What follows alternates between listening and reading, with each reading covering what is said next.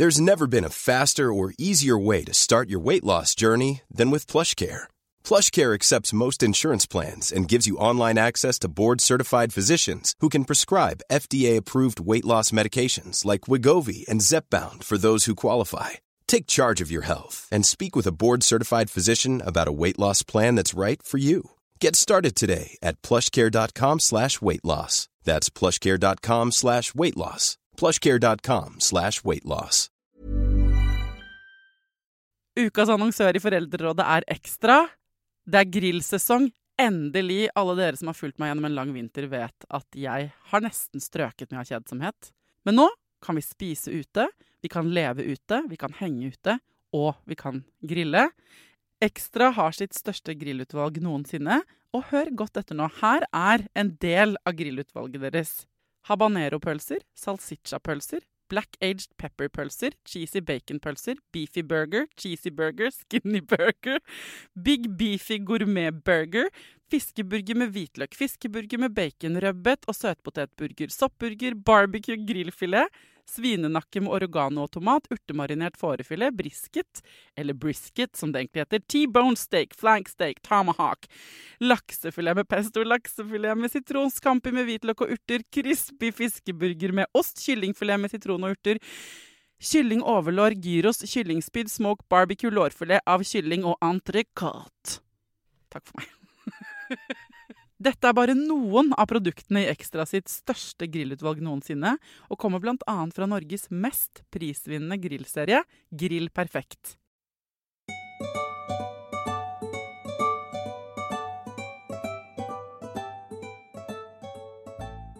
I min Facebook-feed så dukker det ganske ofte opp eh, spalter fra Aftenposten skrevet av Line Marie Warholm. Hun er psykologspesialist.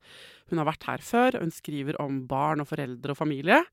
Og når jeg leser det hun skriver, så sitter jeg eh, ganske ofte igjen med et inntrykk av at hun mener at vi beskytter ungene våre litt for mye. Og vi vil jo alle ha sterke, flinke, glade, robuste barn. Hvordan mener hun at vi skal få til det? Stemmer det at hun mener at vi beskytter dem for mye? På hvilken måte da? Skal vi ikke hjelpe ungene våre, liksom? Hvor mye beskyttelse er for mye? Det skal jeg prøve å finne ut av i dag. Hjertelig velkommen til Foreldrerådet, folkens.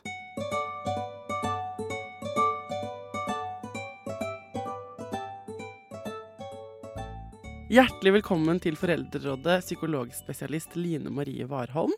Tusen takk. Du er spaltist i Aftenposten, og du har vært her før. Vi kjenner hverandre litt. Og nå har du skrevet en ny bok som heter Foreldrerevolusjonen. Jeg har den her i hendene mine, og på coveret så er det en neve i været. Ja, men du sier at det er en barnehånd? Ja, det er, en, det er det. Det er, det. Det er en, liten, en liten neve. Fire veier til robuste barn. Ja. Og eh, tilfeldighetene skulle ha det til at eh, samtidig som du kommer ut med denne boka, så tikker det inn en del spørsmål som ikke bare faller under én av temaene du belyser i den boka, men flere av dem fra lytterne til Foreldrerådet. Så her er det sånn great minds think alike, tenker jeg. Ja, ikke sant? Det er noe som rører seg. Ja. Kan du si litt kort liksom, hva er foreldrerevolusjonen? Ja. Eh, den er jo litt modig, den tittelen. ja. eh, og det er det en grunn til, og det er fordi at jeg rett og slett tenker at vi må snu helt på hodet hvordan vi tenker om eh, barn og unge og foreldrerollen i dag. Ja. Sånn jeg tenker vi må ha et paradigmeskifte i hvordan Oi, oi, oi. vi tenker om det, da. Eh, hvor eh, Der vi er nå, så snakker vi jo veldig mye om å beskytte barn mot alt som er vanskelig. Så tenker jeg at vi må vri på det, og så må vi begynne å se hendelser og erfaringer barna gjør seg, som muligheter for vekst og utvikling. Så det er liksom nesten Du skal si det i én setning, da, så er det litt eh, det det handler om. Og at eh, sånn vi kanskje har tenkt med å beskytte barna mot alt mulig, eh, det gjør dem ikke noe gladere eller roligere eller eh, mer robuste, da. Det gjør at de rett og slett står litt dårlig rusta til å møte livet. Og livet kommer jo, ikke sant. Vi kan ikke beskytte barna mot livet. Men, men noen ting er det jo lurt å beskytte barna sine mot. Altså sånn, det er ikke eh, Vi skal jo passe på at ikke de liksom løper ut av trafikken eller Mm. eh, blir med fremmede mennesker hjem. Mm. Eller sånn Hvor er det på en måte Hvis du skulle ramme inn ehm, På hvilke områder er det vi beskytter dem for mye? Ja, det er der jeg tenker at det er liksom to ting som er, eh, som er et veldig sånn stort paradoks, egentlig. For når det gjelder skjerm og sosiale medier i dag, så er vi Mm. helt elendige til å passe på ungene våre. På Alle andre områder Jeg skal ikke le, sikkert, men Jo. det er veldig tydelig. Ja. Ja. På alle andre områder så er vi fullstendig overbeskyttende. Så det er veldig rart. Det står jo liksom ikke i forhold til hverandre. Mm. Så ja, ikke sant. Det er jo noe med eh, at man må jo passe på barn. Eh, og det handler jo også om liksom, hvilken alder og hvor modne de er, og hvor impulsstyrte de er. Eh, og at det finnes jo ikke noe fasit, fordi barn er jo forskjellige. Ja, og foreldre er forskjellige. Ja, ikke sant? Og, og særlig hvis vi skal snakke om barns sikkerhet, da. Ikke sant? For det, jeg tenker jo at man skal sette de grensene barnet trenger, ikke de grensene foreldre, foreldrene trenger når det handler om sikkerhet. Ikke Ja, ja. Ja. At selv, altså hvis, hvis det er sånn at du blir urolig når, når barnet ditt er ute og leker, eh, så må du jo spørre deg selv eh, eh, om det faktisk er skummelt. Eller altså om det er farlig, om det er en reell risiko, eller Mm. om det bare er du som syns det er ubehagelig, liksom. Du kan jo ikke holde barnet ditt inne til Nei, nei, han er 20, liksom. Nei, men når du sier sånn innledningsvis sånn er det, Vi trenger et paradigmeskifte. Mhm. Vi trenger ikke sant? Vi, eh, den, vi overbeskytter. Sant? Du Mm. generaliserer oss, da. Så sier du norske foreldre overbeskytter barna Mm. sine. Det, det tjener ikke barna noe på. De Mm. er de som tjener minst på det. Så vil jeg bare utfordre deg på det der, fordi det kan jo hende noen sitter og hører og tenker Hæ, det gjør jeg vel ikke? Du Mm. vet ikke hva du snakker om. Eh, det er bra. Det er bra at vi eh, passer bedre på dem enn for en generasjon siden. Mm. Ikke sant? Eh, det, da jeg vokste opp på 80-tallet, så var det jo mange som eh, emosjonelt kanskje ikke fikk den støtten de trengte hjemmefra, da, eller ikke følte seg sett, eller ble overkjørt på skolen, eller eh, ikke sant? Altså overkjørt eh, sånn eh, i klassen, ikke Ja. Mm, fysisk. Ikke fysisk. Så det, der, det kan høres litt ut som om du mener at det var bedre før. Ja, mange ting var nok bedre før også. Ja, Det tenker jeg jo. Eh, men ikke alt. Det er jo ikke sånn at vi kan sette alle foreldre i en bås. Det er ikke sånn at alle foreldre er overbeskyttende. Men veldig, veldig mange foreldre opplever det som at det er liksom en slags sånn riktig måte å gjøre ting på, og det er å være overbeskyttende. Sånn at hvis du er en forelder som ikke har lyst til å være så på, så er det som om du gjør noe galt. At da er du ikke god nok, da. Så derfor er det jeg sier på en måte dette her, og bruker disse litt store ordene, at jeg tenker at vi har fått en måte å snakke om barn på i dag, Mm. eh, hvor vi hele tiden eh, snakker om å beskytte dem, da. Og én ting er jo da ikke sant, det å ta de avgjørelsene på å slippe dem eh, ut på egen hånd. Gå i trafikken, eller gå til en venn, eller de helt sånn eh, liksom praktiske. Måtte sykle på fotballtrening, komme Mm. seg steder selv. Være alene hjemme etter skolen. Alle, alle, alle disse tingene, da. Som jeg tenker egentlig er ganske Det er ikke de vanskeligste vurderingene å ta. Nei. Men der jeg tror liksom de fleste av syns det er skikkelig vanskelig i dag, det handler om de ubehagelige følelsene. Yes. Og jeg, for the record skal jeg bare si at jeg kjenner meg veldig igjen i dette. Jeg har alltid vært litt sånn herre Det vet jo lytterne her òg. At uh, jeg har bare sluppet ungen min mye tidligere mye tidlig ut i livet. Fordi har, jeg har et barn som er veldig uh, utforskende, og som ville gå på butikken alene tidlig, og han ville gå til skolen tidlig, og han har liksom vært veldig utforskende. Sånn at eh, jeg har følt selv på det du sier, med at Um, at jeg ikke har vært overbeskyttende nok, og at det er sånn her, åh, for- lar du han få lov til det?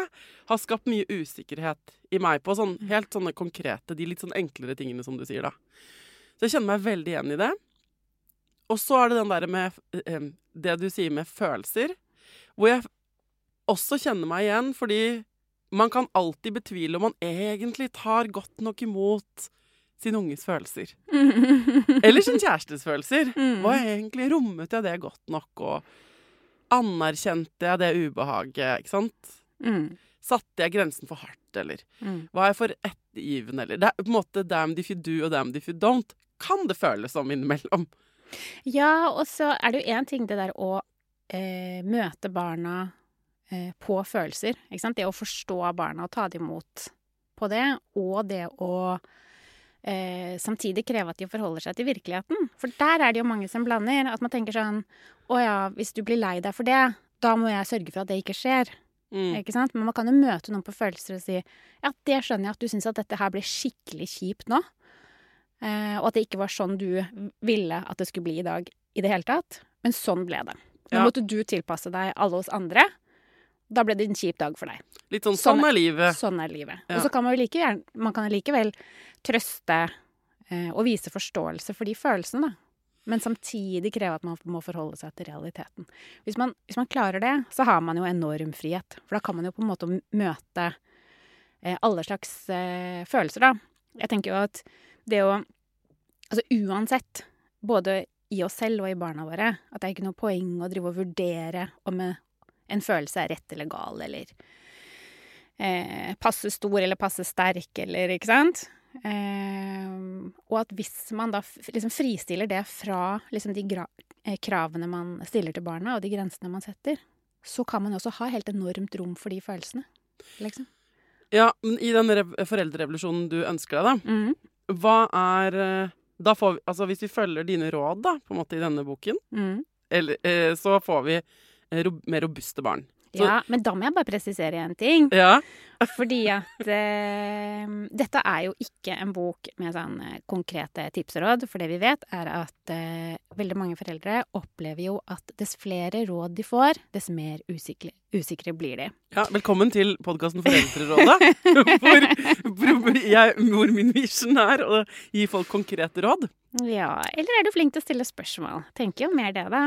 Ja, men jeg har, missionet mitt er å gi folk konkrete råd, og så har jeg på en måte sett eh, år etter år, ikke sant? Og nå 500 og hvor mange episoder, vet ikke.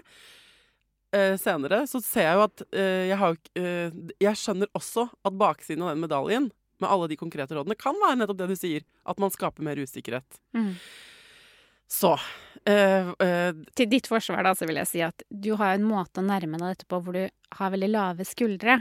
Jeg har skrevet en bok som jeg håper at folk vil lese, og at mens du leser boka, at du eh, ser noe på en annen måte. At du oppdager noe nytt, at du får noen nye perspektiver, noen nye tanker. Sånn at når du står i neste situasjon med barnet ditt, så har du noe å lene deg på Ja. inni deg. Fordi du har fått en dypere forståelse. Ikke fordi du husker sånn Å ja, det er nå jeg ikke må si jeg må ikke spørre om du kan ta på deg skoene. Jeg må si 'nå vil jeg at du skal ta på skoene'. Altså alle mulige sånne rare råd som man får da. ja. Ikke sant? At man dropper det der, og at man liksom fra et mer sånn genuint sted i seg selv kan tenke sånn eh, OK, hva er det som foregår her nå? Mm. Ut ifra hvilke prinsipper skal jeg tenke nå, da? Og så kan du ta en avgjørelse som passer for deg og for ungen din. Ikke sant? Og så er boka delt inn i fire Altså det står jo på forsiden fire veier. Mm. Eh, så jeg tenkte vi skulle fokusere på vei nummer én, som du snakker om i den Mm. boka, i denne episoden. Og så syns jeg vi skal lage eh, For det er, det er mye å snakke om her. Du og jeg òg har mye å snakke om alltid. ja. Em, og den første delen av boka, da, det, den handler om å utvikle egen tenkning. Mm. Sant? Hva mener du med det? Ehm, jeg tenker at vi i dag er veldig opptatt av å forme barna våre. Veldig mange er veldig redde for eh, hvordan det skal gå med dem, om de skal klare seg. Vi er opptatt av å liksom, eh, stimulere og legge, til rette og sørge for at de utvikler seg i riktig retning, liksom, i stedet for at barna mer får bare utvikle seg som de menneskene de liksom er, da. Eh, og at hvis vi ser litt på hvilken verden barna våre vokser opp i òg, så er de jo mye mindre beskytta enn vi var eh, når vi vokste opp. Sånn, I forhold til at de får på en måte verden helt sånn ufiltrert inn gjennom internett og sosiale medier, og de er utsatt for helt utrolig mye påvirkning. Og snart er det våre barn som er de voksne og skal eh, eh, sørge for at det er eh, fred i verden, og at folk er snille med hverandre, og at vi tar vare på klimaet. Altså, vi må ha eh, Vi må oppdra en generasjon eh, som blir ålreite voksne, som klarer å ta gode beslutninger videre. Men er det ikke det vi holder på med? Ja, det er jo det vi ønsker oss, i hvert fall. ja, det, for det er ingen som er uenig i det du sier nå. Det er det vi vil. Ja. Hvordan kan vi på en bedre måte, tenker du, utvikle egen tenkning, selvstendig tenkning hos barna våre? Det handler mye om å ikke hjelpe de for mye. Fordi at når vi eh, ordner opp for mye for de, da, altså er for mye liksom, på tilbudssida og hjelper og blander oss inn i det de holder på med, eh, så tar vi jo bort liksom det ubehaget i situasjonen, da, som du får når du har et problem, eller du står i et ubehag, eller et eller annet vanskelig, så har, det er veldig ubehagelig. Eh, og for å løse det, så må du begynne å tenke. Men vi er så redde for å la barna stå i den situasjonen, hvor ikke de vet hva de skal gjøre. Så vi Kom, bare, kom et eksempel. så vi bare gir de svarene. Det er som om vi har fått en sånn kultur hvor alle er redde for å tenke. Vi unngår tenkning, liksom. I små ting, liksom? Eller i gjelder- store ting, eller? Ja, det gjelder jo alt fra på en måte å si hva du mener om hva slags skole eller linje barnet ditt eh, skal velge, ikke sant? Helt til de store avgjørelsene, til hva er den beste strategien eh, i forhold til en venn eller en kjæreste, eh, liksom, eller sånn. For det er de veldig opptatt av, ikke sant? De er jo ikke relasjoner som bare noe som er, men som også skal løses på en eller annen smart eller ikke smart måte. Og helt ned til de helt små eh, detaljene som å la barna gjøre helt praktiske ting selv, da. Og der ser jeg jo For jeg sitter jo med voksne mennesker i terapirommet. Eh, og der ser jeg de jo så tydelig, ikke sant. Det er da 45 eller 90 minutter som man har satt av til å snakke om noe veldig, veldig viktig. Eh, og så er det jo blitt helt legitimt da, at man selvfølgelig legger telefonen på bordet, og så sier man jeg må bare ta den hvis barna ringer. Ja. Og så går det noen minutter, og så ringer den telefonen. Og da er det jo sånn eh, Kan jeg lage toast? Hvor er gummistøvlene mine? Kan jeg bli med Emil hjem? Altså, det er sånne, sånne spørsmål. Eh, og mange foreldre Det er jo ikke sånn at de sier sånn For det første så er det ikke noe alternativ for mange å ikke ta telefonen. Og hvis man tar den, så tar man den like tålmodig hver gang. Og svarer og hører Eh, og hjelper til med de små praktiske tingene, da. Så de barna får jo ikke øvd seg på å vente på svar, og de får heller ikke øvd seg på å finne en eller annen løsning. Hvis, eh, og typisk sånn er sånn Ja, hvor er det og det på kjøkkenet, eller hvor er det, da? Og det å da måtte liksom finne ut av det selv, da, så er vi veldig raske til å hjelpe hele tiden. Mm. Og vi holder jo veldig mye på, på den måten, eh, særlig når det gjelder det sosiale, da. Ikke sant? Det med å rydde opp og sørge for avtaler mellom barna. Eh, altså hvis man hvis, hvis barnet ditt sier at 'jeg fikk ikke være med å leke', så er vi jo utrolig kjappe på å blande oss inn i det. Og Mm. rydde opp, kontakte andre foreldre. Eh, og ikke minst gi råd til barna om hvordan de skal løse det. At det å liksom bare la de være der ute i verden og liksom få erfare hva skjer når jeg gjør det på den måten, liksom. Ikke sant? Eh, så er vi veldig kjappe til å, å rydde opp, da. Og blande oss inn. Ja, så vi syr på en måte puter under armene og pakker dem inn i liksom eh, padding. Så fordi de får ikke da ikke? Det, vi, det vi prøver å gjøre, er å hjelpe dem sånn at de ikke blir frustrerte over at de ikke finner toastjerne på Ja. Mm. Sant? Og samtidig vil ikke at de skal gå gjennom alle skuffer og skap, for da blir det et helvetes rot å rydde opp når vi kommer hjem. Sånn at når de ringer oss for å spørre om de kan lage toast, så sier vi ja, det kan du godt lage. Det toastjernet ligger i skuff nummer to nede, liksom nede der. Og til høyre i den skuffen. Og så må du huske å ta ut kontakten etter at du er ferdig, for ellers så blir det stående. Og så er det fint om du setter det tilbake når det har blitt kaldt igjen. Mm. Sant? Og eh, så eh, det fins oppskåret brød i fryseren. Mm. Ikke prøv å skjære brød selv, for eksempel. Det er en sånn ting vi Sånn kan holder vi på. Sånn holder vi på. liksom. Og det er helt eh, På en måte vanlig. Det er helt vanlig. Mm. Hvordan tenker du at jeg skal løse den telefonsamtalen, eller vi kunne løst akkurat den situasjonen på en annen måte? For det første så tenker jeg jo at det å vende barna av med å ringe hele tiden eh, Altså det at når du er på jobb, eller hvis du er et eller annet sted, så holder du på med noe der. Da må de klare seg selv. Og Mm. løse ting på egen hånd. Ikke sant? Eh, og rett og slett å øve seg på det når man da ikke sant, snakker med de da, eh, og si sånn eh, Ja, det finner du sikkert ut av. Ikke sant? For da viser du også tillit til barnet ditt. Mm. Eh, og du kan jo sikkert kjenne den i deg selv fra din egen barndom, eller liksom sånn det derre å få en oppgave som du tenker at du kanskje liksom ikke egentlig er stor nok til å få. Ja. Den tilliten, altså det å bli vist sånn tillit, altså da leverer du. Da gjør du så godt du kan. ja Ikke sant? Så det er jo noe med liksom, den derre Når vi kommer med alle de liksom, rådene til barna våre og sier så mye til dem, så eh, kommuniserer vi jo til dem at vi ikke har tillit til dem. Ikke sant? Vi tenker jo ikke at Da sier du jo ikke 'dette fikser du'. Du sier 'husk på, husk på, husk på'. husk på. Mm. Eh, Jeg hadde en ettermiddag her hvor eh, For jeg, jeg må ærlig innrømme også at jeg hater å være hunndama. Jeg liker ikke det i det hele tatt selv. Å være sånn 'Nå må vi passe på', passe på. Jeg, eh, jeg gir så mange beskjeder. Mm. Og jeg jeg sa det til mitt barn, nå bor jeg jo sammen med to andre barn nå, og det er liksom blitt for, det, Jeg gir så mange beskjeder i hverdagen. Jeg blir helt gæren av det. Så jeg sa til alle barna, med men først og fremst til mitt, sa jeg sånn Jeg vil jo bare være kul. Jeg! Jeg, liksom Thea Klingenberg. Jeg var keen på å ha det digg, jeg. Chill, liksom. Jeg er keen på å si ja til alt dere ber om. Jeg er keen på å ha det gøy. Jeg har lyst til å Jeg, er ikke, jeg driter egentlig i hvilket godteri dere spiser når. Sånn innerst inne. Mm.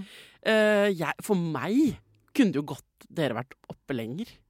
Ikke sant? Det, er ikke, i- i- det er jo ikke sånn at jeg går rundt i livet og bryr meg veldig mye egentlig om Det er fordi jeg har denne jobben Mm. som mamma.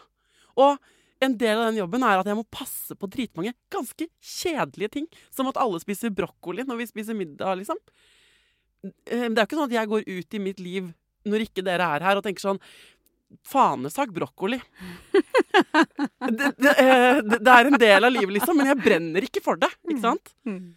Jeg syns det er godt. Jeg tenker at det er en fin del av middagen. Men det er ikke Og så så barna på meg sånn. så jeg bare tenker sånn Kan ikke dere, hvis dere bare tar de beskjedene og liksom ordner litt mer med det selv, og slipper, slipper jeg å mase om ting Og så, avtalte jeg med mitt barn at han bare OK, greit. eh, Du trenger ikke å gi meg noen beskjeder mellom nå og hockeytrening. Og det er en periode jeg ofte må gi beskjeder. Husk på, har du tatt med Nå er klokka så mye sånn. Jeg bare OK. Eh, det var halvannen time på ettermiddagen. Og det er en del ting som skal skje den halvannen timen. Jeg, han bare Nei, da, jeg møter deg ti over halv syv i bilen. Ikke gi meg én beskjed. Kommer du til å klare å ikke gi meg en eneste beskjed? Og jeg var sånn eh, Hold my drink. Eh, jeg skal ikke gi deg Og så tok det sikkert Det tok 20 sekunder, og så glemte han å lukke ytterdøra. Og så, så sto jeg bare sånn Åh! For han ble stående og speile seg i gangen istedenfor å lukke ytterdøra. Det var dritkaldt. Så den derre Det er lett å si, tenker jeg. Eller sånn Jeg vil ikke være hun masakjerringa som jeg føler meg som. Jeg har ikke lyst til å være fanget i å gi tusen beskjeder. Du Jo, sier at men- vi trenger ikke å gi de beskjedene, for det er ikke bra for ungene våre. De må få tenke selv. There's never been a faster or easier way to start your weight loss journey than with PlushCare. PlushCare accepts most insurance plans and gives you online access to board-certified physicians who can prescribe FDA-approved weight loss medications like Wigovi and Zepbound for those who qualify. Take charge of your health and speak with a board-certified physician about a weight loss plan that's right for you. Get started today at plushcare.com slash weight loss. That's plushcare.com slash weight loss. plushcare.com slash weight loss.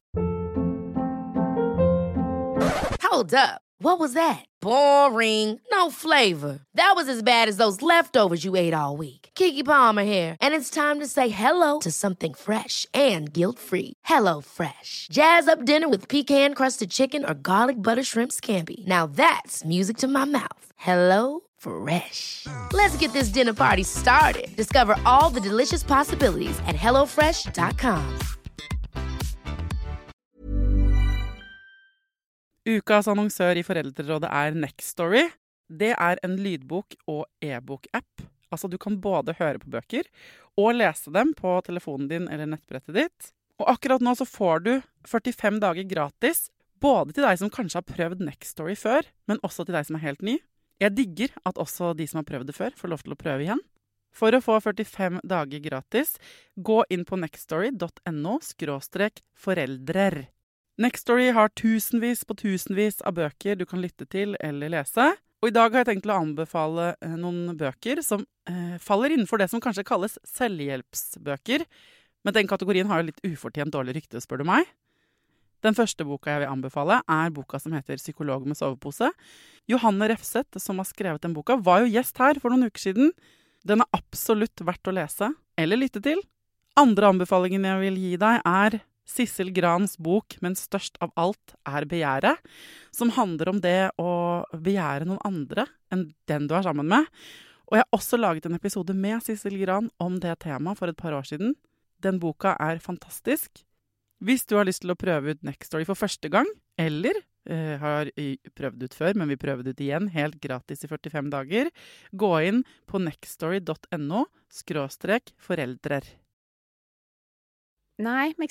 Når du snakker nå, da, så tenker jeg at du begynner jo på en måte å se deg selv liksom litt utenfra. ikke sant? At du vil ikke være den masekjerringa. Eh, og at det, ikke sant?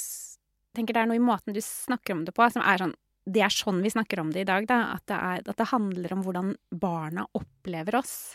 Blir vi kjipe, eller blir vi ikke kjipe? Og i den situasjonen som dere har også, så er det jo han som ber deg om å ikke gi beskjeder. Sånn at det er jo ikke et sånt tydelig autoritetsforhold mellom dere. Det er nesten en konkurranse. Ikke sant? Hvor det er han som, det er han som setter premissene her. Det er jo ikke du som skjærer igjennom og bestemmer. Og det tror jeg er litt sånn Et slags hovedproblem i dag er at vi har så vanskeligheter for å ta den voksenrollen, da. Uh, Ja, at jeg burde liksom eid og så spiller ikke noen rolle hva ungen din mener om de grensene du setter. Det er du som er voksen og må ta ansvar for de. Det er barns privilegium å være grenseløse og synes at foreldrene er kjipe. Og når vi blir opptatt av at barna skal være fornøyd med oss, så gjør vi ikke jobben vår. Skjønner. Så jeg må bare eie at jeg gir alle de beskjedene. Mm. Det er jobben min. Jeg kan ikke drive og klage på den. Nei, det er jobben din. Og så må du gi de beskjedene du syns det er rimelig å gi. Ikke sant? Hvis det kjøkkenet ser bomba ut når ungen din har lagd toast, det er ikke noe problem for det, deg. Det for deg. Hvorfor er det problematisk for deg? For jeg må rydde det opp. What?! Eller så må jeg hovre over og passe på at det blir ryddet opp. Men ikke sant, det er akkurat Å nei! Jeg går rett i fella di. Ikke sant, så det er, Dette her er jo ikke noe lett, men det er Ja, men det er et eksempel. Men vi prøver jo altså, ehm, For der er det noe med de rammene, ikke sant? Ja, fint, kjør på, lag toast. Gjør som du vil. Ikke sant? Det er jo ikke ditt problem når det Altså Hvis ikke de rydder opp, så da er det da, noe med å la de stå i de konsekvensene. Altså la de ta valg og gjøre ting. Og så er det jo de som må ordne opp etterpå. Ofte så er vi jo sånn hvis barna setter i gang noen prosjekter, da, så er vi jo veldig sånn på med en gang at vi skal hjelpe de så mye, legge til rette. Og det er så flott hvis de har noe engasjement, og det er så flott at de gjør noe annet enn å være på skjerm, og det er så flott at de er så kreative, ikke sant. Og da vi er jo sånn ja, skal kjøpe noe utstyr, og ikke sant. Vi er helt på det. ja. Jeg tror at vi ofte da tenker at vi skal liksom beskytte dem mot det der å engasjere seg og legge arbeid inn i noe, og så blir det ikke så bra. For da tenker vi at da får du jo ikke mestring. Ja. Så vi blir så opptatt av å beskytte dem mot det at de ikke skal mestre, at vi hjelper dem veldig mye. Men det er jo også hva er det som skjer ikke sant? hvis det er et prosjekt, om det er et spikkeprosjekt, eller nå skal jeg lage en fuglekasse, som jo kan være et innfall Mm. eh, som skjer hjemme hos oss, eller om det er sånn eh, La oss bake en kake, eller la, altså et eller annet prosjekt, da. Som mm. eh, jeg kan være sånn kjempebra, dette er eh, i utgangspunktet en god idé, men så eh, har jeg ikke så lyst til alt det kaoset. Så sier du det må jeg stå i. Jeg sa, eh, den opprydninga, eller at de må liksom de, Barna må stå i de konsekvensene av det prosjektet de har satt i gang. Ja, altså, man må rydde opp, liksom, hvis man har satt i gang nå. Ja, Ja. greit. Det må vi ha som baseline Ja, her. men for foreldre som uh, Det er jo lett å si. Mm. Men det blir jo ofte på noen ting Nå er ikke Jeg er kjempepositiv til prosjekter. Jo, men, men, men det blir jo noen jeg konflikter etterpå. Man må, man må drive og stå i den derre eh, Ja, men da må du gjøre sånn, og så må vi gjøre sånn. Og så Det blir jo mer hassle for alle. Jo, og da tenker jeg at det er jo helt rimelig å si til barna at uh, vet du hva, det der blir så mye styr. Det orker ikke jeg i dag. Mm. Det er jo helt rimelig. Men da er vi jo andre enden av skalaen enn det å liksom eh, ordne til og være veldig på tilbudssiden og hjelpe til. Sånn som jeg tror mange foreldre føler et veldig sånn eh, At hvis barna har lyst til noe, så kan man ikke være en demper på det. Da må man liksom eh, støtte så veldig oppunder det, da. Mm. Eh, og at særlig det der da, når barna liksom vil et eller annet, det å la de eh, få holde på litt med det i fred, uten at vi blander oss for mye. Kanskje ikke det var så lett da å bygge den fuglekassa, liksom. Ser veldig lett ut, slå noen planker sammen. Ganske vanskelig å bygge en fuglekasse. Og noen ganger, noen av oss syns kanskje at det er kjempegøy å være med og snekre. Ja, da kan du gjøre det. Og så hvis du ikke syns det er gøy, eller du ikke har tid, så får ungen din holde på sjøl. Og da går det kanskje ikke. Så får du en unge som kaster fra seg planker og spikere og hammer på bakken og eh, er misfornøyd, da. Mm. Ja. Da ser du det alltid i verden er ikke så innmari lett, faktisk. Selv det å snekre en fuglekasse krever litt. Ja. Ja, da fikk du en erfaring med det. Mm. Du mislyktes. Kjempeviktig. Men det snakkes jo innmari mye om at, er at vi må legge til rette for mestring. Ja, men det er, det er veldig, veldig viktig å ikke beskytte barna mot å ikke mestre også. Ja. Altså, det er noe med å ha en litt sånn uh, balanse, da. Altså, ikke sant, uh, veldig mange uh, av de ungdommene som jeg snakker med, har jo helt sånn urealistiske forventninger til sine egne prestasjoner, ikke sant. Alle tenker jo at de skal få femmere og seksere. Ja. Det å ligge midt på treet er liksom ikke noe alternativ, som om det å ikke være best er dårlig. Da tenker jeg litt sånn eh, Det er enkel statistikk. Altså halvparten av oss må ligge under gjennomsnittet på liksom, så, Sånn er det. Det er virkeligheten vi må forholde oss til. Så at jeg tenker jo det å, eh, å hjelpe barna til å, å ta det å ikke mestre eh, med en ro, da. Ja, du fikk ikke til det. Det er greit. Hva så? Ja. Spiller det noen rolle, liksom? Hvis ikke du har lyst til å snekre en annen gang, nei, la være, da. Åh? Du vi- pirker i noe som er sånn eh, Som jeg tror Som ligger inni oss voksne òg. At jeg kan i mitt liv av og til føle at hvis jeg ikke har det bra, så er det fordi jeg har gjort noe feil. Hvis jeg har en kjip dag, en tirsdag liksom, som er under snittet god, hvor jeg bare jeg er sliten, kanskje sovet dårlig, eh, syns det er mye styr på hjemmebane eller sånn, vært mye på jobben, hva som helst, så kan jeg sitte med en følelse av at I'm not doing this right. Mm. Og det du sier er egentlig sånn Jo, jo, eh, det er sånn livet er. Ja, det må vi ofte. Ja, det må vi øve oss på å tåle, da. Mm. Det kan vi ikke unngå. Det å føle eh, Å ikke føle seg helt på topp her i verden, liksom. Eh, Mm. Det at man ikke er helt sikker på seg selv. Altså, det er jo helt naturlig. Jeg vet jo egentlig dette innerst inne, men jeg bare er så dårlig på å huske på det når jeg står i det selv. Ja, da vil vi jo bare ha det vekk, ikke sant? ja. Og det tenker jeg jo er også helt ok, at man bruker det som en slags sånn krykke i hverdagen. Da. At man eh, Noen sant, vasker hus eller tar seg en løpetur eller gjør et eller annet hyggelig for noen, fordi da føler man seg bedre. Altså vi gjør sånne ting. Det er fine krykker. Eh, men vi kan jo ikke ha det som hovedstrategi for barna våre. At de skal løpe rundt og være flinke hele tiden, sånn at ikke de skal bli lei seg. Altså det er jo ikke levedyktig. Så ser vi jo nå at vi har jo en generasjon med unge som har eh, opplever veldig mye stress og press og krav til seg selv, da, og at eh, det derre eh, vurderende blikket har de jo helt i ryggraden. Ikke Ja. sant? Ok, sånn at eh, for å eh, støtte barna våre mest mulig i å utvikle egen tenkning, så handler det rett og slett om å bare la dem få lov til å gruble og grunne, og ikke få til ting. Det gjør det. Og eh, jeg syns at det, eller, det er et sånt veldig godt bilde på det. Eh, en, eh, en lege og psykoanalytiker som heter Donald Winnicott. Kjent barnelege fra jeg tror han oppe på sånn 50-60-tallet. Han gjorde noen observasjoner av mødre og spedbarn.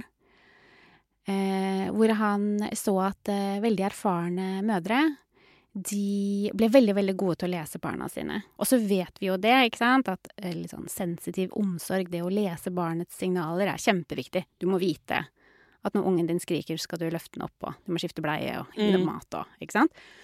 Og at det at vi er sensitive og forst- prøver å forstå hva barnet eh, Hva som foregår i barnet, det, det er eh, Det er bra. Det er helt avgjørende når barnet er nyfødt. Og så så Winnicott da at, eh, at erfarne mødre de ble så gode de, til å lese ungene sine at de visste hva barnet ville ha, før barnet visste det selv. Før barnet hadde begynt å gråte. Så liksom, før det hadde liksom gitt noe lyd, så hadde de puttet den puppen eller flasken i munnen på barnet. Mm. Um, og da kan man jo tenke eh, litt sånn intuitivt ah, veldig flinke mødre, nærmest perfekte. Mm. Ikke sant? Eh, men det de mødrene gjør, de som leser barnas signaler for godt og handler for fort, eh, de ødelegger jo det rommet for at barnet kan gjenkjenne de tilstandene i seg selv. Altså, tenk så fantastisk det er å kjenne sult, for eksempel, da. og så uttrykke det ved å gråte. Og så kommer det en pupp! Ikke sant? Det er jo helt magisk. Det er jo den første liksom? Der har vi jo kommunikasjon, og der har vi den første problemløsningene. Eh, Så det er jo der liksom barnas tenkning starter, da. Og, jeg at, og det gir jo liksom mening for oss, ikke sant? det der å få stukket inn en flaske eller en pupp når du ikke selv egentlig føler at du er sulten ennå. Sånn tenker jeg at vi holder på med barna våre veldig i dag, da. Ja. Vi dytter og ordner og vil altfor mye på deres vegne. Og tenker at det roter til liksom Barnas liksom At de blir kjent med hva er det som Hva er det jeg egentlig vil? Hva er det jeg egentlig føler og tenker? Eh, og hva er det på en måte som er dine tanker og følelser? Og så lukker de igjen det rommet for den problemløsningen. De får puppen med en gang. De rekker ikke å kjenne etter hva de vil, og de rekker ikke å, og på en måte identifisere et problem. Og her snakker du en- betydning for det færreste av å gi og pupp til barna når de er større, måte, som Ja, løsning jeg på et tenker at vi holder på med det samme, liksom, En bare i en overført betydning. Ja. Når barna er større også, ikke sant. Så at vi Men du kan jo ha en, for å ta en kritisk greie på det, da. Det kan jo være sånn, men det er jo Det, det du sier, er jo sånn ja, vi skal la barnet gråte litt. Sant? Eller du støtter den derre gi dem Nei, det sier jeg ikke.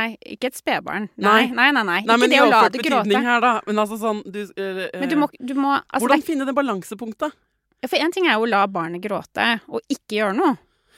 Jeg skjønner det, men, men, Det det. men eh, og hvordan finne det balansepunktet i tenkning hvor vi ikke blir for um, uh, gammeldagse, hvis du skjønner, Mm. og på en måte kaster dem ut på dypt vann og sier 'må lære å svømme sjøl'. Mm. Tenk sjøl. Det er jo sånn det var i gamle dager mer. Vi ble Mm. overlatt mer til oss selv. Mm. Og det var Det du trekker frem, er noen gode ting med det. Men Ja. det er også noen dumme ting med det. Ja. Og derfor så er det sånn, hvordan kan vi finne det balansepunktet hvor vi gir dem den friheten og den spacen til å tenke selv, problemløse, uttrykke sine egne følelser, men ikke bikker helt over, sånn at de blir alene om alt mulig? Og der er jo barn veldig forskjellige, ikke sant. Sånn at det liksom Det ubehagelige svaret på det er jo at det er jo det som er jobben din som forelder. Å prøve å forstå barnet. Prøve. Du kjenner barnet ditt godt. Prøve å forstå hvordan ser hvordan ser din indre verden ut, da? At vi prøver å se det i barnet vårt. Hvordan, hvordan er det egentlig for deg? Hvor mye tåler du, eller hva er bra for deg? At vi gjør de eh, vurderingene. Eh, Men da- eh, også, ja. og så eh, så det må jo være og en av oss gjøre. Eh, og så må vi huske på at eh, innimellom så vil vi ta avgjørelser eh, som kanskje blir litt vel tøffe for barna våre. Men at det også er erfaringer som er ålreit for barna å ha med. For da, hvis du liksom ikke klarer å møte det helt på følelser. Altså du Barnet, det har skjedd et eller annet, og så blir du for brå, og du kjefter, eller sant, et eller annet sånn ufølsomt overfor eh, barnet ditt, da. Mm. Hvor barnet føler seg liksom eh, avvist og alene i de følelsene. Det er jo ikke sånn at barna skal ha mange store sånne opplevelser, og vi skal ikke iscenesette dem, vi skal ikke skape dem.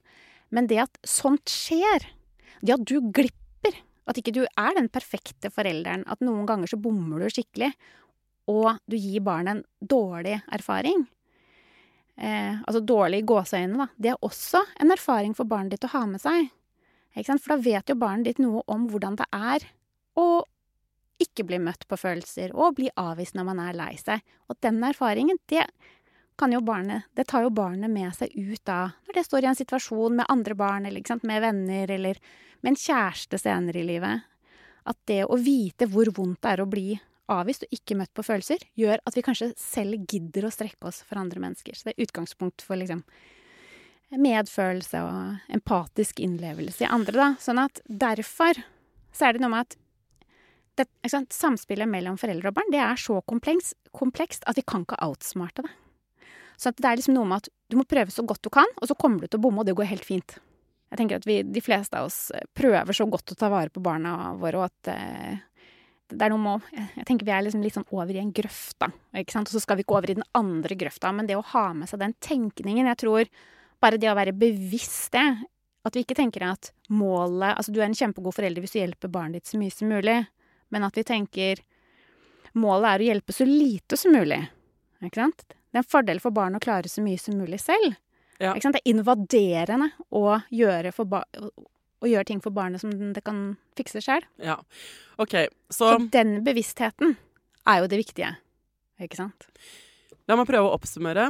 Det Line Marie ønsker seg i revolusjonsform, det er at vi foreldre husker på at Uh, vår jobb er ikke å være flinkest og nailed og trygge og passe på ungene våre hele tiden, sånn at de aldri opplever ubehag. Nei, nei, nei, nei, nei, nei. Det er å stå trygt og støtt når alt, liv, alt av livets ubehag kommer. Og ha vist ungene uh, at de har fått være med og erfare en del av det ubehaget, og at det går bra likevel uh, fra før. Altså, dette har vi snakket om før i Foreldrerådet. Istedenfor å beskytte ungen fra sant, alt, så gir du på en måte en vaksine du gir dem litt av det ubehaget, og lærer dem å stå i ubehaget i små, håndterlige doser hjemme, på hjemmebane, i relasjonen deres. Um, sånn at barnet skjønner mer hva som skjer når livet sjæl treffer barnet der ute på et eller annet tidspunkt. Og så er det sant, denne ene eh, i, under overskriften 'Fire veier til robuste barn' det der med å utvikle egen tenkning, det handler om at i dag når du kommer hjem og skal være sammen med barna dine, eller i morgen, hvis det er bedre tid i morgen, så er det sånn å gi dem space til å finne ut av ting sjæl. Altså blande deg mindre. Og hvis det dukker opp masse ubehag i deg, så er ikke det nødvendigvis ditt barns ubehag. Eh, det kan være ditt eget, da. Er det det du mener? Ja, det er alltid lurt å ha et blikk på det, ja. Hvem som eh, Hvem er det som blir frustrert her? Hvem er det som blir frustrert? Mm. Ja. Uh, og om det er liksom i de små, konkrete situasjonene som å lage toast, eller uh, sånt, sette i gang et kunstprosjekt på hjemmebane, eller om det er at barnet ditt kommer hjem og har hatt en litt sånn kjip dag i barnehagen eller på skolen, og, og det har vært en krangling eller noe sånt, og gi dem litt mer space til å gruble og finne ut av hvordan de kan løse det selv, før du liksom kaster deg på telefonen og, og ordner opp på vegne av ungen din. Ja. For resultatet da, ifølge psykologspesialisten her, er at barna våre blir mer robuste til å takle livet eh, når det dukker opp større situasjoner etter hvert. Mm. Ok, Er det greit oppsummert, eller? Du, det var helt fantastisk! Ja, men ok, Så bra. Så, bra. så fint! Um, jeg håper du kan, For det er flere ting i denne boka, flere av disse strategi... Eller sånn, i råd som ikke er råd, prinsipper på hvordan vi kan tenke på oppdragelse og livet med unger. Viktige temaer som man må reflektere over. Ja. Mm. Tusen takk for at du kom til Foreldrerådet. Tusen takk for at jeg fikk komme.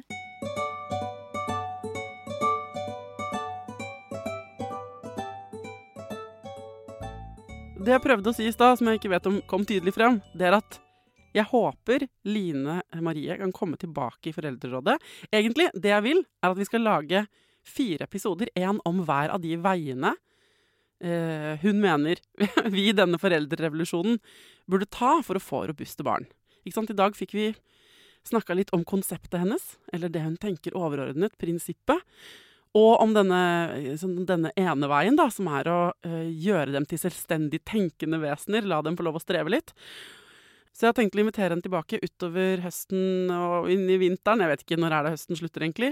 Uansett, frem mot jul, for å komme til bunns i de fire veiene hennes. Hvis du har spørsmål til Line uh, som du tenker Altså ting du er uenig i. For eksempel hvis du syns hun noe av det hun sier er litt sånn gammeldags eller provoserende.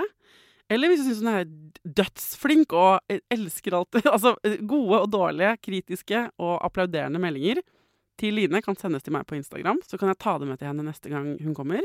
Det gjelder også hvis du har et annet tema sant, som du vil at jeg skal eh, sette på lista vår for høsten. Min innboks er døgnåpen. Ikke vær redd for å mase, det blir jeg veldig, veldig glad for. Til neste gang, ta vare på deg sjæl, ta vare på ungen din, og lykke til.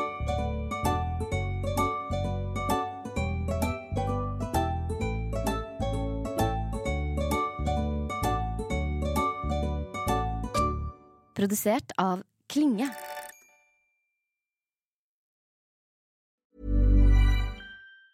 Ever catch yourself eating the same flavorless dinner three days in a row? Dreaming of something better? Well, HelloFresh is your guilt-free dream come true, baby. It's me, Kiki Palmer.